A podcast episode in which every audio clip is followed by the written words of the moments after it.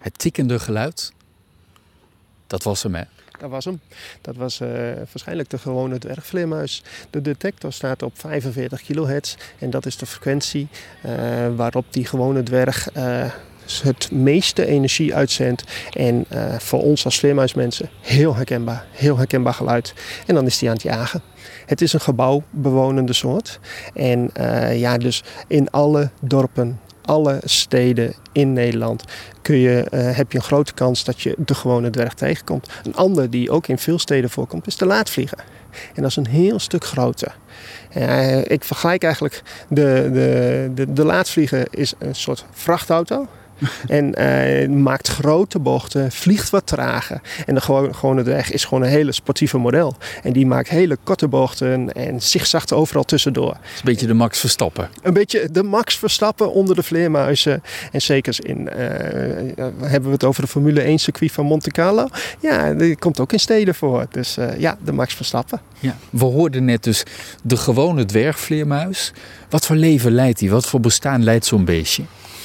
Tja, wat uh, eigenlijk. Uh, wat, wat doet hij? Hij jaagt. Hij jaagt op insecten. Uh, veel ook hele kleine insecten, want zelf is hij ongeveer 5, 6 gram. Dat is niks hè, 5, 6 gram. Onvoorstelbaar eigenlijk. het is een suikerklontje.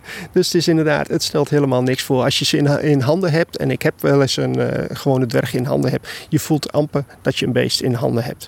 Maar ja, wat doet hij de rest van het jaar behalve jagen? Overdag slaapt hij. Overdag is hij in de rust.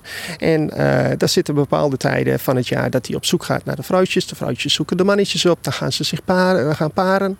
En uh, in het voorjaar, tijd waar we nu zitten, is, zijn alle vrouwtjes bij elkaar in kraamkolonies. gewone dwerg brengt meestal één jong per jaar voor. En die kraamkolonies beginnen ergens in mei, juni. Een beetje afhankelijk van de winter, afhankelijk van ons voorjaar. En die beginnen nu op te lossen. Dus de jong zijn zelfstandig, vliegen met mama mee. En de vrouwtjes gaan op zoek naar de mannetjes. En de mannetjes die gaan balsen.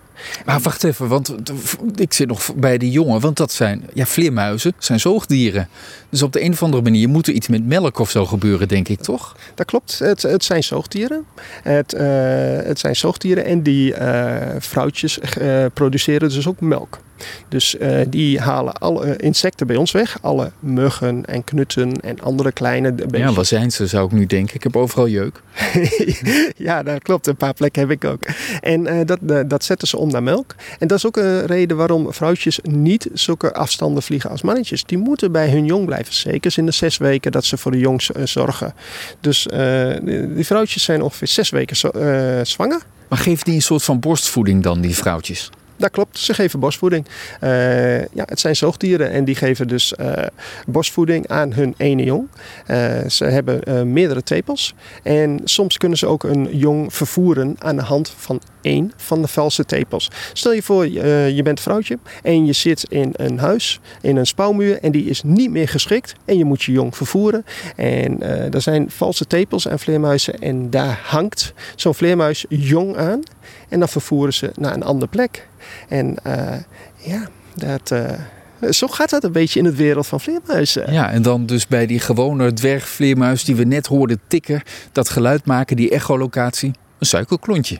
Een, een suikerklontje, ja, zo, zo, zo groot ja. is die. We hebben het nu even over de gewone, maar ik wil toch even heel graag over een ander gewone dwergvleermuis praten. En dat is de ruiger. Komt ook in Nederland voor. Uh, de mannetjes zijn daar heel erg lui. Die brengen 12 maanden per jaar zitten ze hier in Nederland, in Engeland, in België. En de vrouwtjes die vliegen heen en weer naar de Baltische Staten. Die komen in de herfst hier naartoe voor uh, paren.